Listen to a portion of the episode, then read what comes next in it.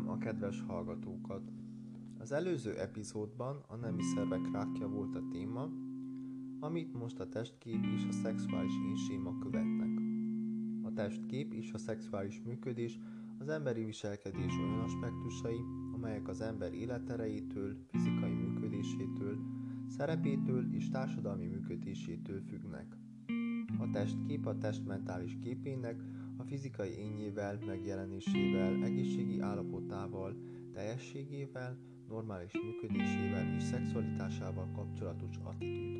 A testkép az én fogalom alkotóeleme, amely a nők számára magában foglalja a nőiesség és a vonzóság érzését. A testkép jelentőségét a nők életében aláhúzta egy 2003-as tanulmány, amely azt találta, hogy minél jobb a testképük, annál jobban birkoznak meg a nők a rákkal. A jobb testképi felfogású nőknél magasabb volt az önbizalom az emlőrákkal való megbirkózásban.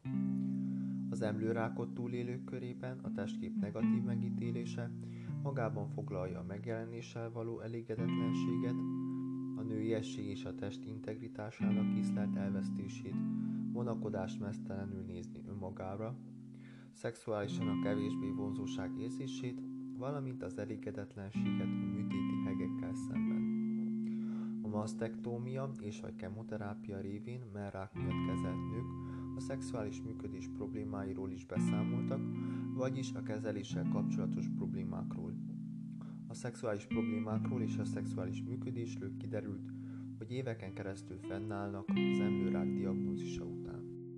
Néhány olyan vizsgálat egyikében, mely nem rákos összehasonlításokat tartalmazott, a masztektómiában és az adjuváns kemoterápiában részesülő nők jelentősen több testkép elégedetlenséget és nőies énkép iránti aggodalmat jelentettek, mint az epeholyak betegség, a negatív emlőbiopszia vagy az egészséges nők esetében. Nem találtak különbséget a szexuális aktivitás csoportjai között. Nincs egyetértés arra vonatkozólag, ha kapott műtét típusa, masztektómia vagy melmegőrző műtét összefügg a testkép elégedetlenségével a kezelés utáni első évben. Egyes tanulmányok azt találták, hogy a masztektómiában részesülő nők nagyobb valószínűséggel jelentettek testképi elégedetlenséget, mint azok, akik melmegóvó kezelésben részesültek míg más vizsgálatok nem találták jelentős problémának a műtét típusát. Bloom és munkatársai megállapították, hogy a diagnózis után hamarosan megkérdezett nők jobb testképpen rendelkeztek, mint a diagnózis felállítása után 6-7 hónappal. Ez az eredmény következetes az európai és ázsiai nők esetében. Kutatásból kiderült, hogy a testképet és a szexuális problémákat a nők jelentős része tapasztalta a diagnózis utáni első hónapokban. Az 546 nő fele valamikor két vagy több testkép problémát tapasztalt, vagy legalább egy problémát gyakran. A szexuálisan aktív nők körében nagyobb testkép problémák társultak a masztektómiához és az esetleges rekonstrukcióhoz, a kemoterápiából származó hajhulláshoz, a súlygyarapodáshoz vagy a fogyással kapcsolatos aggodalomhoz, a gyengébb mentális egészségi állapothoz, az alacsonyabb önértékeléshez és a partner nehézségeihez megérteni a másik személy érzéseit.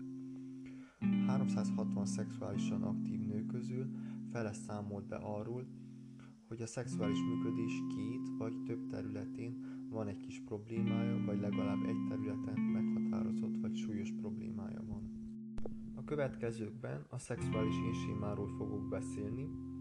Ez a férfiak esetében azt jelenti, hogy a férfi hogyan látja magát, mint szexuális személy betegsége során. Az önsémák kognitív általánosítások az énről, ebben az esetben általánosítások az én szexuális vonatkozásairól. A szexuális inséma a jelenlegi tapasztalatokban nyilvánul meg, irányítja a szexuális viselkedést, és befolyásolja a szexuálisan releváns információk feldolgozását. A férfiaknál a szexuális insémának három tényezője van.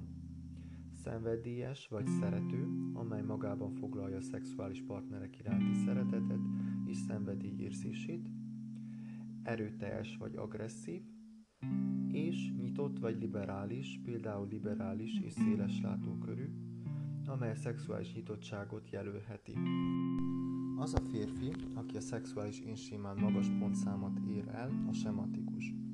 Ez a típusú férfi érzékeny és meleg tud lenni, és könnyebben átélheti a szenvedély vagy szerelmi érzelmeit, mint az aszkémiás.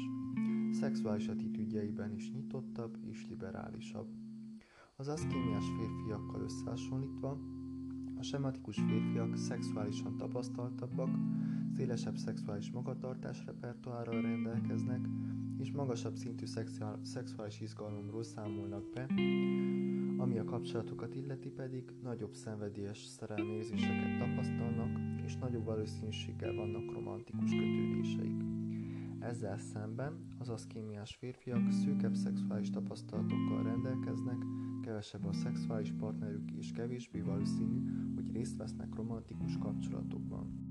A nőgyógyászati daganatos betegek adatai arra utalnak, hogy a negatív szexuális énséma és az alacsony szexuális elégedettség együttese növeli a túlélők pszichés distressz kockázatát, beleértve a depressziós tüneteket is.